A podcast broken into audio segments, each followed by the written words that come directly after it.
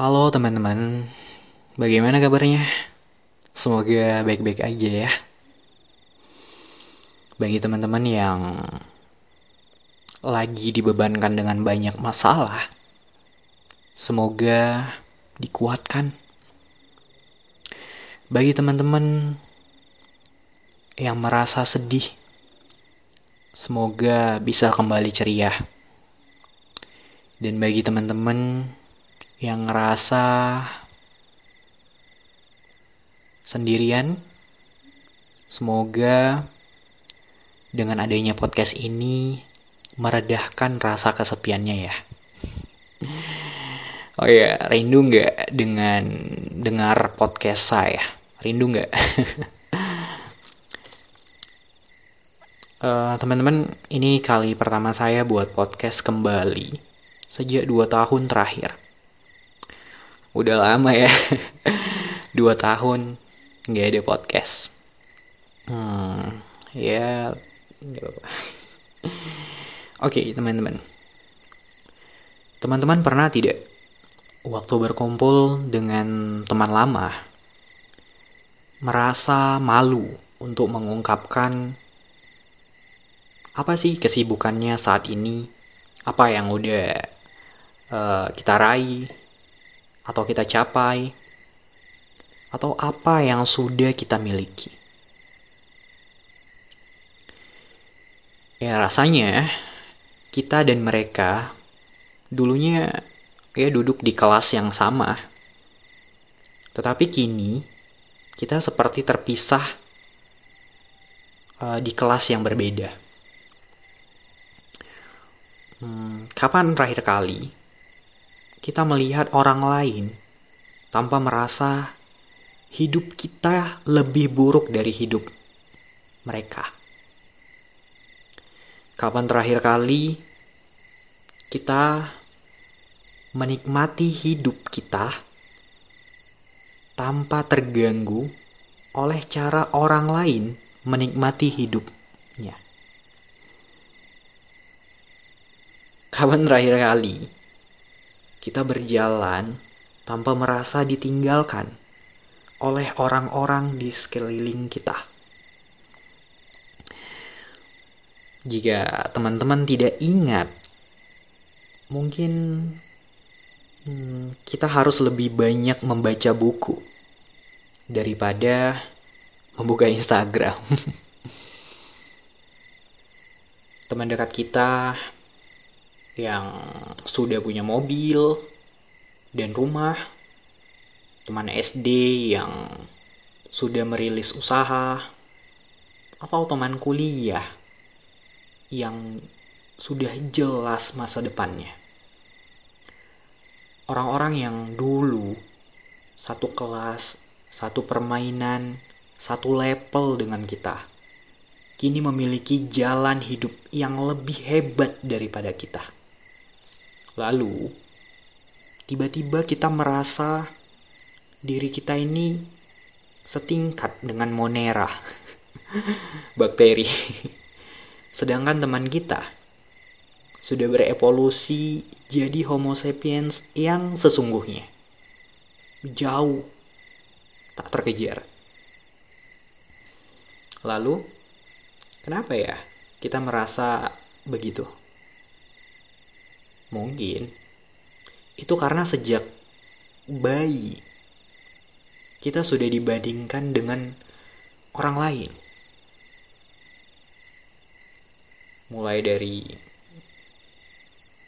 kok bayi ini kurusan ya, bayi sana lebih gemuk.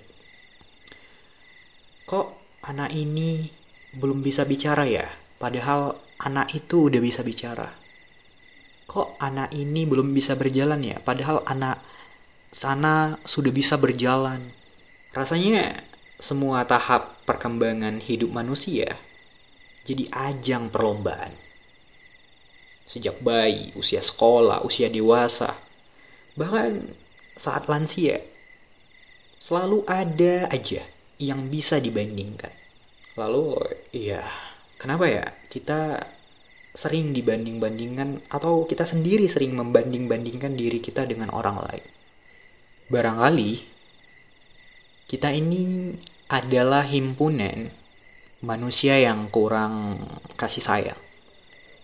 Lalu kita mencari penggantinya dengan mengejar validasi dari orang lain. Kita berharap itu bisa membuat uh, jiwa kurang kasih sayang kita merasa kenyang. Barangkali kita ini adalah sekumpulan manusia peragu. Lalu, untuk membuat kita yakin dan percaya diri, kita merasa perlu mengalahkan orang lain terlebih dahulu. Barangkali kita ini adalah sekelompok makhluk yang sulit merasa berharga Lalu demi mendongkrak harga diri, kita menaruh label-label angka, berbagai urusan, dan benda yang sungguhnya panah. Kita sering bersikap seolah-olah hidup adalah arena barap lari. Untuk mengejar sebuah kalung mendali di ujung permainan. Padahal tidak alasan utama mengapa kita terus berlari sering kali bukan untuk mengejar sesuatu yang di depan kita, melainkan untuk menyelamatkan diri kita dari satu hal yang mengejar-ngejar kita, yaitu rasa takut. Rasa takut adalah motivasi yang sangat manjur, mungkin karena itulah para pembisnis dan motivator memanfaatkannya sebagai strategi pemasaran. Hmm, takut tua, takut jelek, takut gagal, dan takut tak punya pasangan adalah beberapa contoh ketakutan yang menghasilkan miliaran dolar setiap tahunnya. Namun ada satu rasa takut yang melebihi semua itu, yang menjadi motivasi terbesar kita yaitu takut sama kematian. Kematian bukan hanya kejadian saat kita kehabisan napas dan jantung kita berhenti selamanya. Kematian juga adalah apa yang terjadi pada orang-orang setelah kita meninggalkannya. Apakah mereka akan merasa kehilangan? Apakah mereka akan berdoa untuk kita. Apakah hidup kita selama ini sudah cukup meninggalkan arti bagi mereka, sehingga mereka akan mengenang kita, lalu diam-diam merindukan kita, meskipun hanya satu kali dalam hidupnya. Kita takut mati tanpa meninggalkan makna. Karena itulah, sepanjang hidup kita merasa perlu untuk berlari mencari sesuatu yang yang sangat kuat, sangat berpengaruh dan sangat bermakna untuk membuat kita tetap hidup setelah hari kematian kita. Kita takut dilupakan saat kita mati. Karenanya kita melakukan apa pun untuk membuat hidup kita berarti. Akan tetapi kita tidak tahu seperti apa hidup yang bermakna itu. Ya, maklum aja. Namanya kita hidup uh, baru sekali. Apa emang ada hidup yang udah berkali-kali kan? Nggak ada. ya, seperti pengalaman, kita mencoba berbagai jalan untuk menemukan perasaan bermakna. Ya, naasnya kita justru mencarinya keluar dari diri kita ke dalam hidupnya orang lain yang sebenarnya sama-sama penuh ketakutan.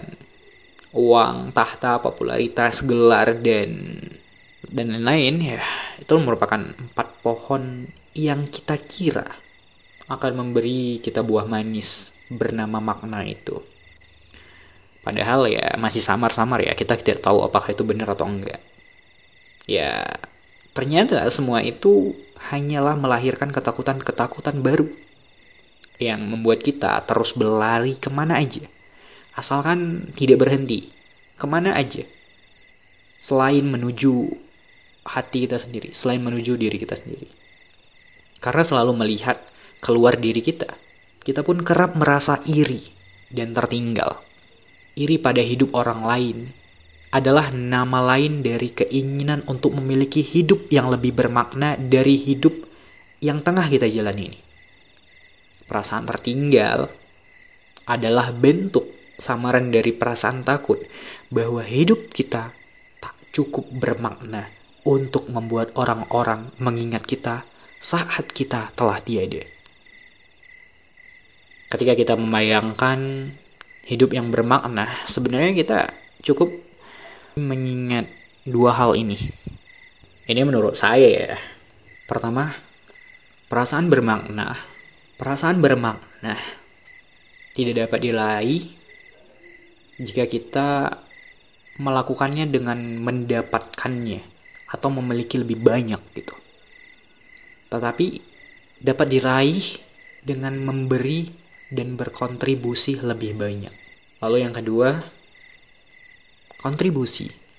Kontribusi tak melulu tentang gelar-gelar yang bombastis seperti presiden, influencer, aktivis, filantropis, atau apa pun itu. Terkadang kita hanya perlu satu orang untuk membuat hidup kita terasa bermakna mungkin satu murid yang pernah kita ajarin mengaji atau apa pun itu satu orang yang membaca postingan kita lalu dia mendapatkan pencerahan gitu story atau lain sebagainya atau satu orang penjual di jalan yang dagangannya nggak laris tiba-tiba kita beli dan dia merasa itu cukup untuk membiayai hidupnya ya satu orang satu orang itu aja cukup gitu untuk merasa diri kita bermakna. Ya, atau kita memberi makan hewan atau kucing yang kita pelihara. Atau hal-hal lain misal jumpa di jalan kucing atau hewan peliharaan lain gitu. Ya nggak mesti kita kayak ngebuat satu Afrika nggak kelaparan, satu Indonesia, satu dunia, bla bla bla. Sekecil apa pun, ya udah lakuin aja gitu. Ya mungkin udah banyak saya bicara. udah banyak cerita yang dapat saya sampaikan. Uh, untuk podcast kali ini mungkin saya akhiri. Terima kasih untuk teman-teman yang udah mau dengarkan. Semoga podcast kali ini bermanfaat untuk kita semua ya walaupun banyak hal kekurangan saya mohon maaf sekali lagi terima kasih banyak dan inilah Ayo Sharing.